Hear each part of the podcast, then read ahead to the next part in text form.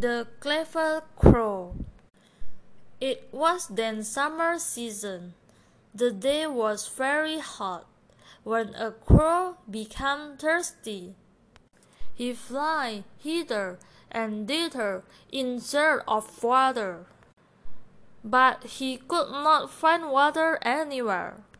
After some time, the crow came across a pitcher that was lying under a tree.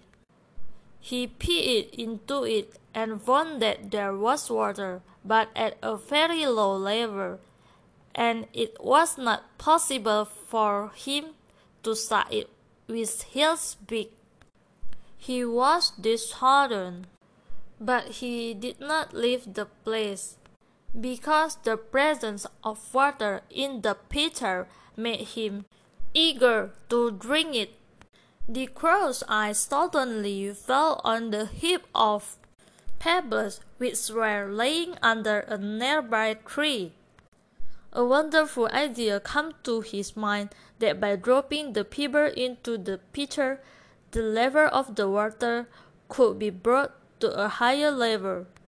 So he began to drop the pebble one by one into the pitcher, and finally the level of the water was raised by the process, and he drank it to his heart's content.